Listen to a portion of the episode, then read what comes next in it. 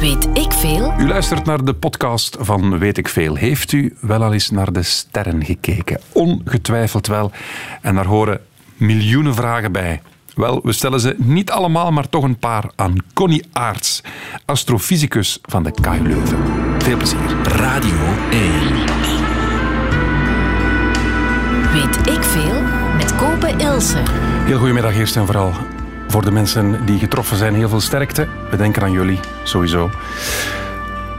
Maar we moeten een aflevering van Weet ik Veel maken. En dat gaat vandaag over een thema waar je heel veel gedichten al over gelezen hebt. Waar al heel veel over gesproken is, waar je al jaren of uren naar gekeken hebt. En waar Wiltura een fantastisch nummer over gemaakt heeft.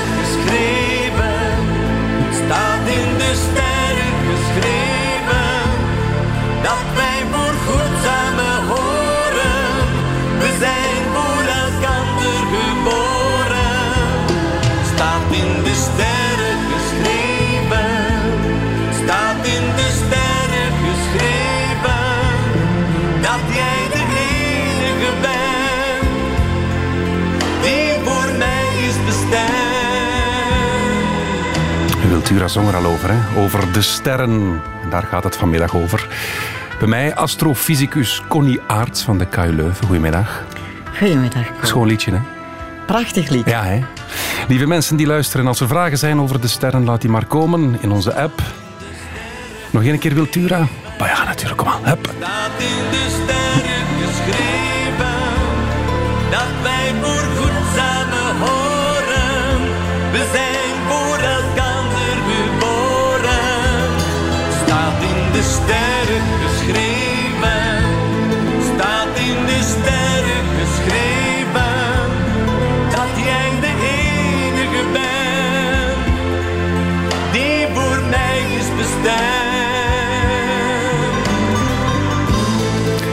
Heel even om te zien. Moet kunnen op Radio 1. Connie Aarts, een zeer goedemiddag. De sterren. Ja, waar, waar, waar moeten we beginnen? Want er zijn er zoveel. Ja, miljarden. Maar laten we beginnen thuis, bij de zon misschien. Hè? Is dat... Ja, dat is de ster die we allemaal kennen, neem ik aan. Ja, de zon is de ster die we veruit het beste kennen van allemaal. Ja, Maar je zegt miljarden. ja. Dus achter die zon...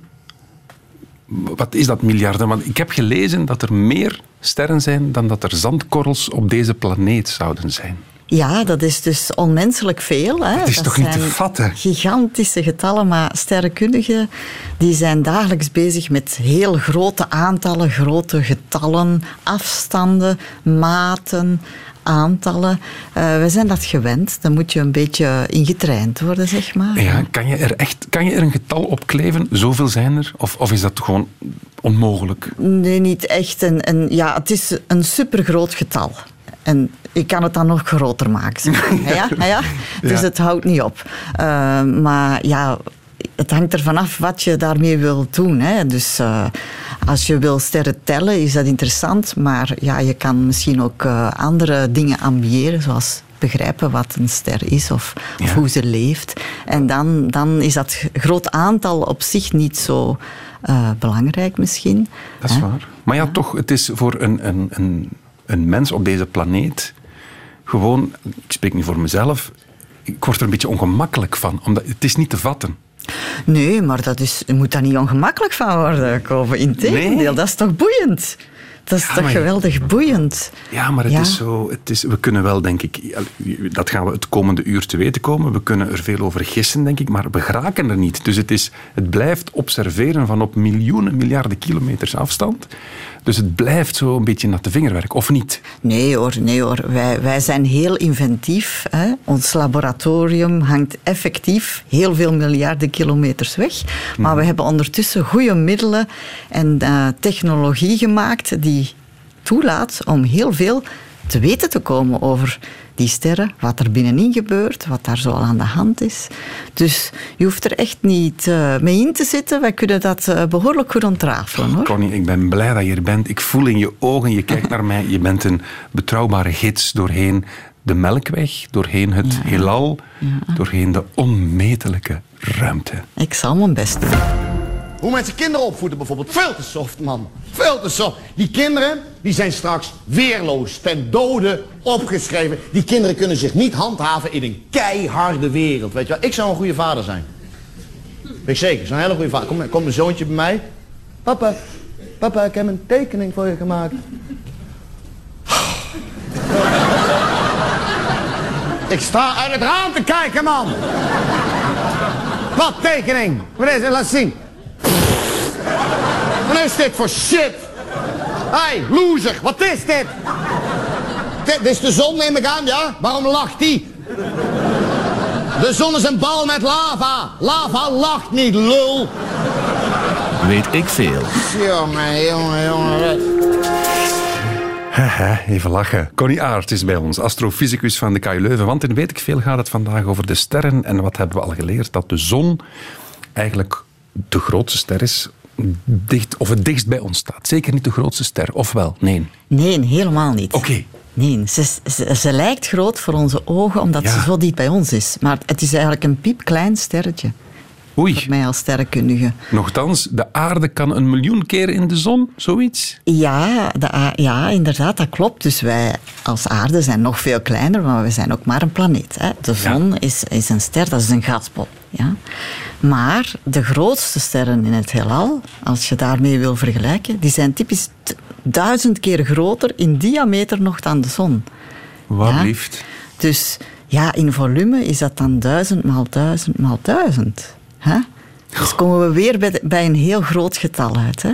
En dus daarom dat ik zeg, de zon is gewoon een heel klein en ook rustig sterretje voor ons. Gelukkig voor ons. En kunnen we die grootste sterren van, van de kosmos, kunnen we die zien? Absoluut, jawel. Er zitten de, zowel in onze melkweg als in andere melkwegstelsels verder weg. Maar omdat zij zo groot zijn, stralen die ook veel feller dan de zon. En omdat de straling feller is, kunnen we ze ook verder zien. Ah ja. Ja?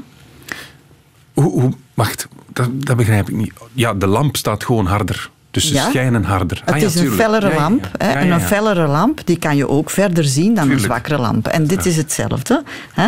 Dus hoe groter een ster is, hoe feller ze schijnt en hoe verder weg we ze kunnen waarnemen. Zijn alle sterren hetzelfde? Nee, er is geen enkele ster hetzelfde. Ah, want ik Ja. dacht gewoon, omdat je dat daarnet zei, dat is een bol gas die, Ja. in, bra- die in brand staat. Eh, Dat is eigenlijk Ja. een ster. Daar komt het op neer, maar sommige branden harder dan andere en sommige hebben veel meer bewegingen binnenin en aan hun oppervlak dan andere.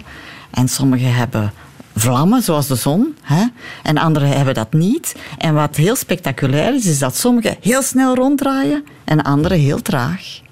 Ah, oké. En de zon, draait die snel? Of Nee, de zon is een heel trage draaier. Ja? Mensen kunnen dat zelf bestuderen trouwens, maar absoluut altijd een beschermbrilletje opzetten. Ja. Dat is een heel leuke proef, die doen we met, eh, zelfs met middelbare scholieren of met lagere schoolkinderen.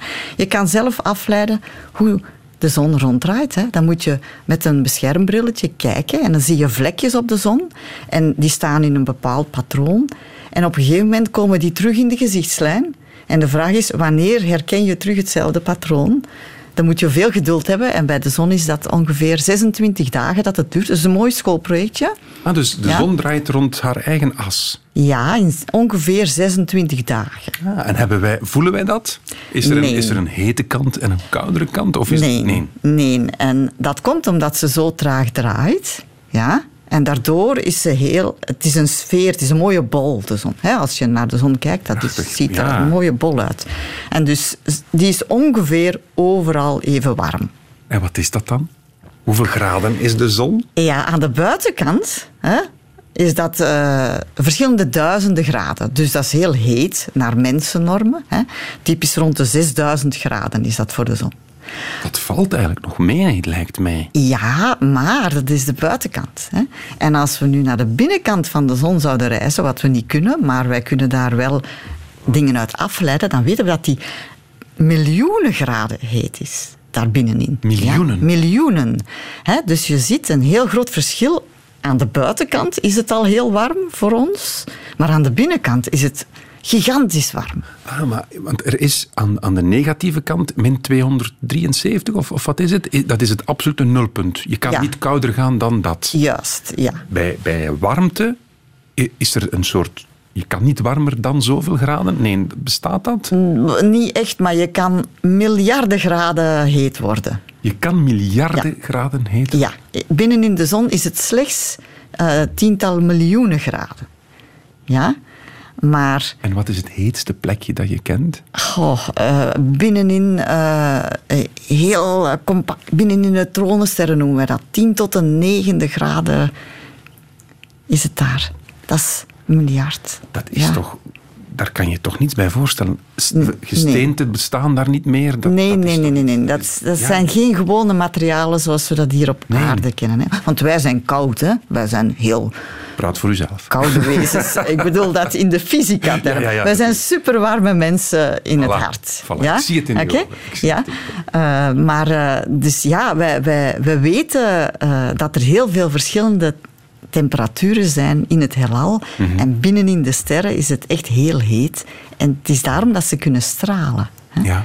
Dus- Dus de zon voedt de aarde met warmte. Absoluut. En daarom is het hier fijn vertoeven. Niet alleen omdat ze ons die warmte biedt, maar ook omdat ze traag ronddraait, omdat ze mooi sferisch is, omdat ze geen felle uitbarstingen van, van materiaal heeft. Wel lichte, Ja. maar die storen ons eigenlijk niet. En dus ja, het is eigenlijk een, een ster die dan ook nog eens heel lang rustig leeft. Miljarden jaren Dus het is een, een trouwe compagnon, de zon. Ja, Het is een optimale eh, eh, gast om als eh, gezin bij te vertoeven, zeg maar. Hè? Nochtans, Ja? die gaat toch ooit opgebrand zijn? Ja, ja, dat, dat Wanneer- gaat gebeuren. wanneer is dat? Ja, binnen ongeveer tussen 4 en 5 miljard jaar, dan eh, wordt het hier minder leuk. We hebben het nog Ja. niet. Je hoeft niet, niet daarvan wakker te liggen. Maar klopt het dat die dan gaat uitzetten en dat eigenlijk de aarde gaat opgenomen worden in die uitzettende zon? Ja, dat, dat klopt. De, eh, op een gegeven moment gaat de zon in haar binnenste een energiecrisis doormaken. En dan gaat ze opzwellen. En, en ze gaat dan veel, veel groter worden nog dan ze nu is. Hè. We weten dat ze, hè, haar straal is al honderd keer groter dan die van de aarde. Maar dan gaat ze nog honderd keer groter in, in diameter worden. En dan gaat ze zo ergens stranden. Onze modellen momenteel eh, gaan... gaan ja, die stranden ergens tussen de aarde en, en Mars. Wat betreft de grootte van de zon op dat moment. Dus er komt een moment dat, het, dat, dat, dat de aarde gewoon weg is. Vingerknip. Ja, ze gaat, eh, ze gaat een beetje verschroeid worden en opgegeten worden door de zon. Of net niet. En dat is nu een van de zaken die we beter willen begrijpen, toch nog altijd in ons vakgebied. Hoe groot worden precies de sterren als ze aan het einde van hun leven komen? Hè? Ja. Dat is eh, een, een hele acute vraag, zeg maar, hè, die, die toch ook relevant is voor ons als mensen hier, om het antwoord daarop te verbeteren, te verfijnen. Hè. En dat, eh, dat proberen we te doen. Dus hoe groter de ster, hoe ouder. Ja, helemaal juist. Maar sommige sterren, ja, sommige sterren worden ook groter geboren dan andere. Hè. Dus, ja. het wel in-. Ja, maar ik had al gezegd, er is geen enkele ster die dezelfde is als de zon. Ik had je waar. gewaarschuwd. Klopt het dat als we als mensheid één seconde van de volledige energie van de zon zouden kunnen opvangen, dat we voor 100.000 jaar energie hebben? Ja, dat, dat, dat is een, een leuke gedachte, een, een uitdagende gedachte. Maar ik zeg altijd dat de sterren superkampioenen in de kernenergie zijn. En dus dat gebeurt binnenin de zon en in de sterren. En we kunnen dat natuurlijk daar niet gaan weghalen. Hè? We kunnen wel proberen nabootsen hoe energie op te wekken, zoals de zon het zo goed kan. Want de zon is een bal waterstof. waterstof en ook wat helium. En ook nog wel andere materialen, maar niet zoveel. Hè. Dus het gros van het materiaal in de zon is inderdaad waterstof. Hè. Dat is het eenvoudigste chemisch element in de natuur. Dat Ja. hebben we hier ook. Of dat, Dat- kunnen we produceren. Dat kunnen we produceren. We hebben ook helium. Ja? Voilà. Ja. En dus ehm, wat de zon eigenlijk aan het doen is nu, waardoor ze straalt, ja, is die waterstof omzetten naar helium. Dat is, dat is een, een proces in de kernfysica zitten we dan, hè, wat heel veel energie opwekt. Ja. Is Maar dat die dat kernfusie niet. waarvan sprake? Ja. Dat, die, dat die, die versmelten met elkaar? Ja, dus we willen waterstofatomen doen versmelten en helium maken. En dan wek je energie op. En dat is heel veel energie. Maar we kunnen dat nog niet zo goed in de laboratoria hier op aarde. Men daarvoor- probeert. Want hè. daarvoor heb je die miljoenen graden Celsius nodig. Juist, je moet het daarvoor heel warm maken en je moet die waterstofdeeltjes heel dicht op elkaar kunnen proppen. Om ze te doen kunnen versmelten tot helium. Maar als we dat vinden, dat is de, de heilige graal van de energie, want je hebt geen afval. Wel, Wel, je maakt straling en je moet opletten dat die straling die je opwekt, dat die natuurlijk niet eh, schadelijk is. Maar het grote, grote voordeel ten opzichte van onze huidige kerncentrales, die doen kernsplijting. Ja, die schieten zware elementen kapot en daar komt energie vrij, Maar ook heel veel nare afvalstoffen. En dat willen we eigenlijk liever vermijden. Dat wil toch iedereen vermijden, dat we met die bergen kernafval zitten. Dus als we energie zouden kunnen opwekken zoals de sterren, dan doen we niet kernsplijting, maar kernfusie. Netjes bij elkaar smelten. En dan heb je niet die nare afvalstoffen. wanneer doen we dat? Ehm, tussen nu en tien jaar? Serieus? Ja hoor. Dus einde van de kerncentrales. We kunnen stoppen met steenkool en bruinkool te verbranden om energie op te wekken. Windmolens passé, want allemaal aan de gezonde kernfusie. Eh, ja, ik ben een optimistisch persoon. Wauw. Eh, de fysici zijn daar dag en nacht hard aan het werken om dat te realiseren. Maar de omstandigheden die je moet maken in het laboratorium zijn moeilijk. Hè? Dus het is niet zo dat we binnen tien jaar overal kernfusiecentrales hebben dan op Maar deze het zou planeet. binnen tien jaar wel mogelijk moeten zijn om dat een keer te doen in een beschermde omgeving. Ja, ik heb vertrouwen in onze kernfysici. En ik heb vertrouwen in Connie Aerts. Dus dan moet het allemaal goed komen. Hè. Ja, ja, komt goed. Ken je het sterrenmeisje nog? Ja, altijd leuk. Ik zei vroeger dat waar dat hij mag gaan. Ik zei dat hier, dat mag blijven, maar ik zei dat, allee, dat hier niet. Ah ja, maar ik, ja, ik kan slapen gewoon. eh, Er komen water van het zeer in mijn neuzen.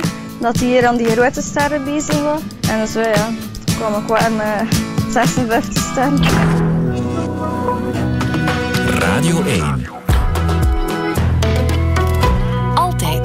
Nu praten we verder in, weet ik veel, over, met Connie Aerts, astrofysicus van de KU Leuven, over de sterren. Met de actualiteit in dachten, hebben sterren invloed op ons weer? Kan dat of is dat een heel abstracte, domme vraag? Nee, dus er zijn geen domme vragen. Hè? Dus dat is zeker geen domme vraag. Want de maan zorgt voor eb en vloed. Juist. De zon zorgt voor zon, uiteraard. Maar, maar zijn er, kunnen we zeggen dat sterren ver hier vandaan ook invloed hebben op de planeet? Nee, de, de zon wel zelf, maar de verdere sterren eh, op zich niet, omdat ze zo heel ver weg staan. Hè? Ja? Maar de zon natuurlijk, die, heeft, eh, die is niet altijd hetzelfde. Die heeft bewegingen, die stuurt materiaal uit, zonnewinden noemen we dat. Hè? En die vangen wij ook wel op hier op aarde. Ja? Nu, de aarde heeft een magnetisch veld om ons te beschermen tegen schadelijke straling en om die, om die zaken een beetje op orde te houden, zeg maar. Hè? Ehm, maar maar ehm, het is niet zo duidelijk, ook niet in, eh, in de discussie rond klimaat, wat precies het aandeel van de zon daar is en wat niet. Hè? Het is duidelijk dat wij mensen het klimaat veel beter moeten verzorgen. Daar lijkt eh, geen twijfel over natuurlijk.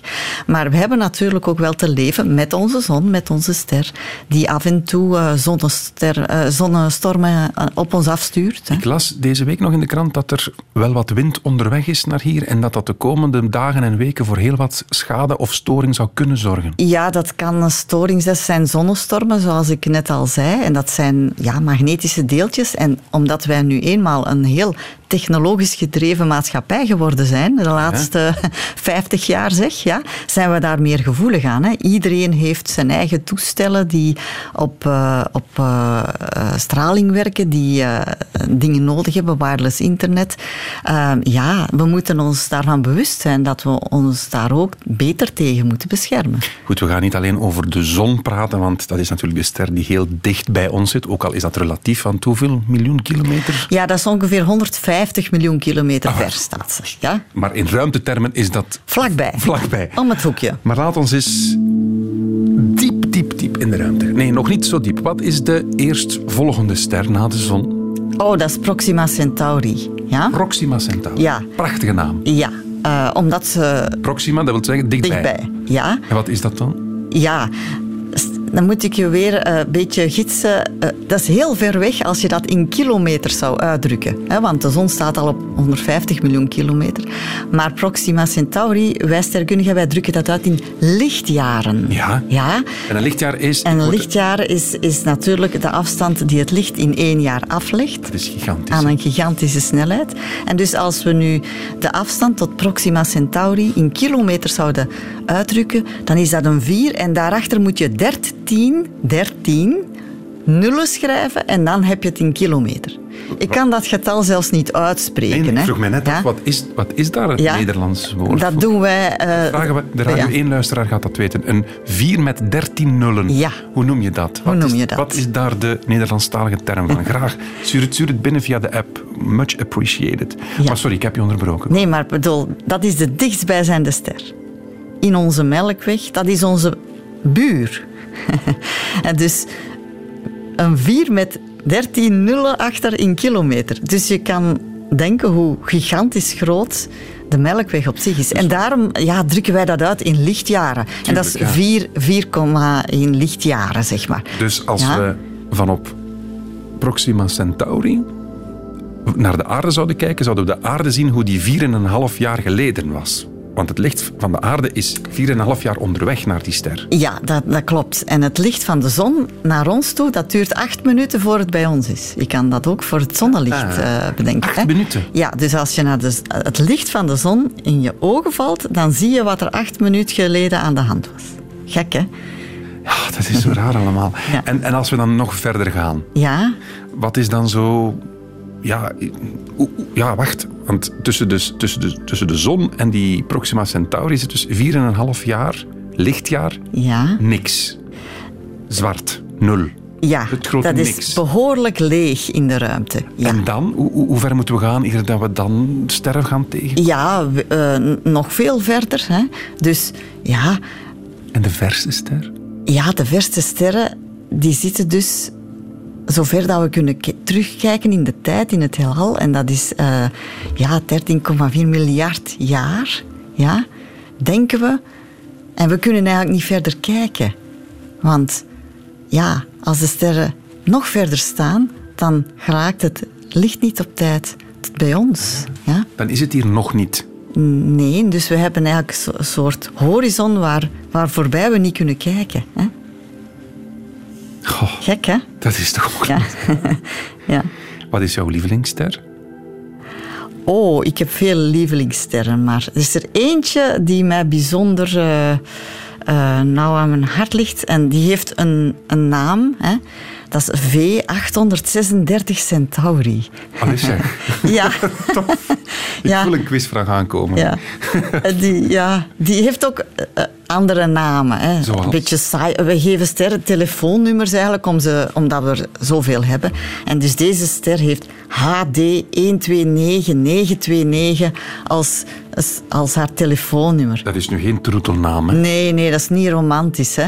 En de HD staat voor Henry Draper. Dat is misschien wel romantisch. Dat was, dat was iemand, een sterrenkundige, een amateursterrenkundige, die rijke, rijke zakenman in de VS. En die wilde zijn nalatenschap.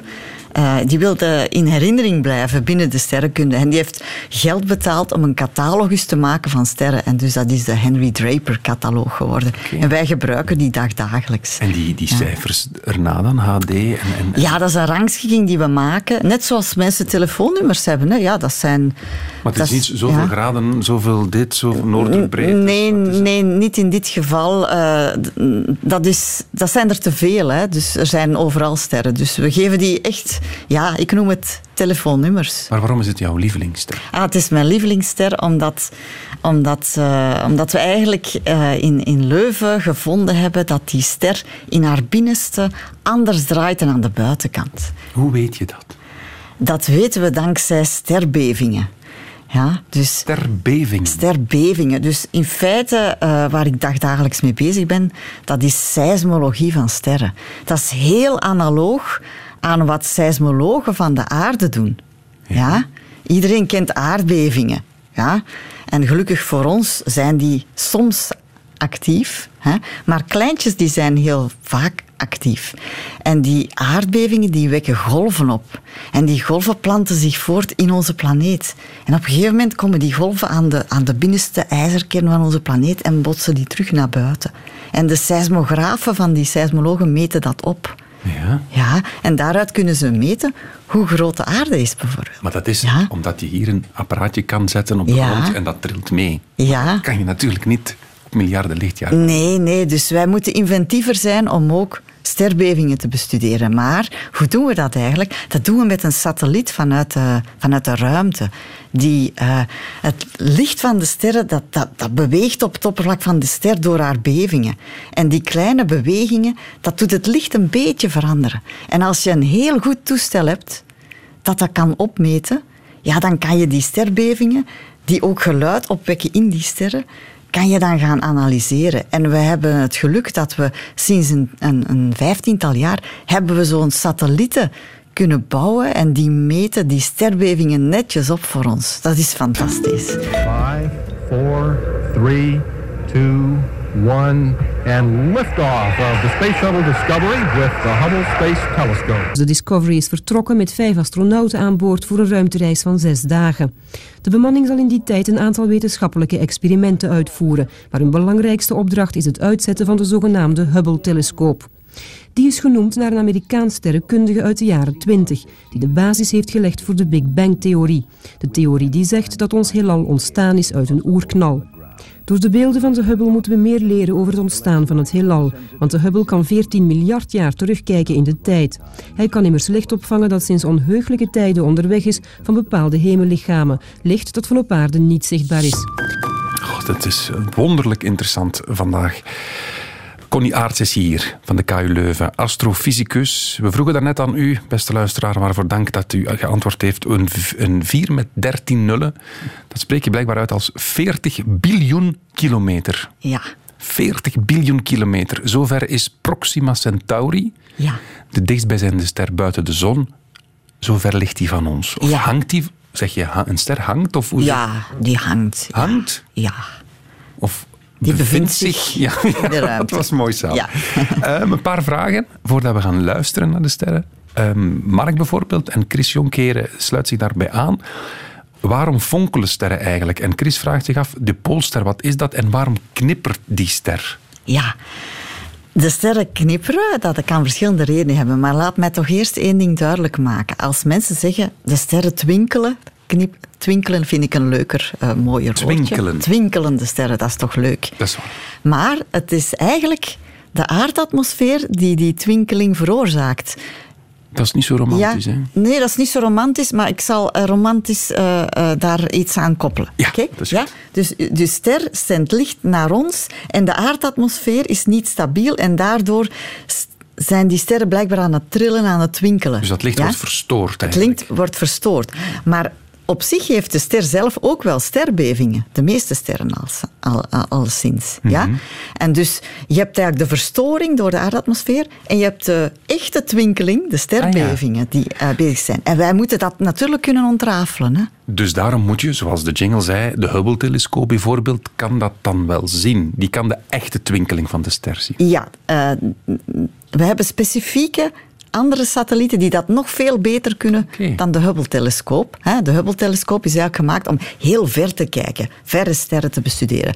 Voor de sterbevingen, daar beginnen we vooral mee, sterren die dicht bij ons staan, want die bevingen zijn echt wel heel minuscule veranderingen die gebeuren aan het oppervlak. En ja, dan moet je daar een speciaal toestel voor hebben om dat te kunnen optimaal en meten. waarom is dat zo? Ik, ga jouw expertise totaal niet onder, ondergraven, maar waarom is dat zo interessant? Hoe dat een ster op 40 biljoen kilometer van hier, hoe dat die trilt? Wel, omdat dat de enige manier is voor ons om te bepalen hoe oud die ster is. En als je terugkoppelt naar daar straks, waarbij we weten dat als de zon een bepaalde ouderdom gaat hebben, dan gaat ze ons verslinden. Ja, dan wil je toch wel weten hoe oud de sterren zijn in onze buurt. Omdat we anders hebben we dat voor de zon alleen, maar de zon is maar één ster in al die miljarden. Dus we willen dat eh, net zoals het weer, hè, als je het weer goed wil voorspellen, dat is een heel complex systeem met eh, heel veel factoren die meespelen. Voor sterren is het ook zo. Om de leeftijd van een ster te bepalen, hebben we heel veel fysische processen die we moeten begrijpen. En sterbevingen, die kunnen ons dat leveren. En er is geen enkele andere methode die dat zo goed kan. En een ster beeft doordat ja, die ontploffingen, in, of nee, die kernfusie heel de tijd, die, die, die energie die verandert constant. Dat zijn gasbollen, dus die, die, Ja, die zijn continu onderhevig aan van alles en nog aan van alles en nog wat. En die, die koken eigenlijk. Hè. Ah, ja. dus ik vergelijk dat graag met een, met een waterketeltje. eh, die, als je iets gaat koken in je keuken, wat doe je eigenlijk? Je gaat warmte toevoegen onderaan het pannetje met water. Je voegt altijd maar meer warmte toe, meer energie. En op een gegeven moment zegt die ketel, ik kan dat hier niet meer bolwerken. Hè. Ik moet beginnen koken om alles, om stoom af te laten, letterlijk. Ja? En dus sterren doen dat ook. Dat zijn kokende gasbollen. En, en, en door dat koken, ja, trillen, trillen die sterren. Dus die maken geluid. Die maken geluid. Maar ja, er is geen lucht om, de geluid, om het geluid in, in, in te laten verder gaan. Dus eigenlijk, want in de ruimte maakt niks geluid, dacht ik. Omdat- Nee, het is luchtledig. Ja, dat is natuurlijk... Ja, eh, dat is eigenlijk doodjammer dat we dat geluid niet rechtstreeks kunnen opmeten. Misschien. Nochtans, dit is het geluid van onze zon. Doe me een beetje denken aan zo'n Peruaan op een panfluit. hè. Ja. Dit is de zon. Ja. Maar je moet beseffen dat dat geluid zodanig gemaakt is dat jouw oor dat nu kon beluisteren en dat van alle luisteraars die we nu hebben. Ah ja. Ja?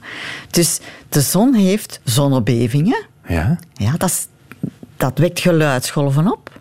Maar die zitten niet in het, in, in het bereik van onze oren. Ah, dus dit Ja. is een soort, ja, Het is een verschuiving van het geluid om het hoorbaar te maken. een kleinere, snel draaiende ster maakt dit geluid.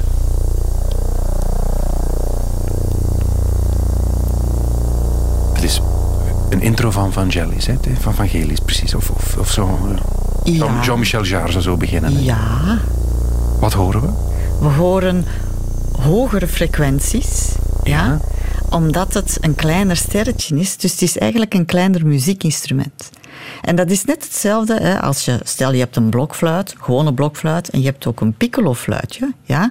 Elk kind weet, als de artiest achter het podium verstopt zit, of dat hij de gewone blokfluit speelt of het piccolootje. Hoe kleiner het fluitje, hoe hoger de toon. Juist. En bij sterren is het net zo. Hoe kleiner de ster, hoe hoger de frequentie van, hun, van de bevingen. Dit is een grotere ster, dus dat zou iets dieper moeten klinken. Ja. Nochtans, ja, je had kunnen nog een grotere ster nemen. we hebben nog een grotere ster? Ja, een bas. Nee. Nee. ja, ik... eh, ik, ik Daar ben- gaat mijn theorie... Ja, Ja, we spelen maar af wat we binnen hebben natuurlijk. Ja, maar ja, ja. eigenlijk in principe, hoe, hoe dieper, hoe groter. ja, en dus een contrabas heeft lagere tonen, diepere tonen dan een viool. Ja? Dat is waar. En ja, uit die frequenties van die bevingen van die sterren weet ik dus meteen hoe groot ze zijn. Oké.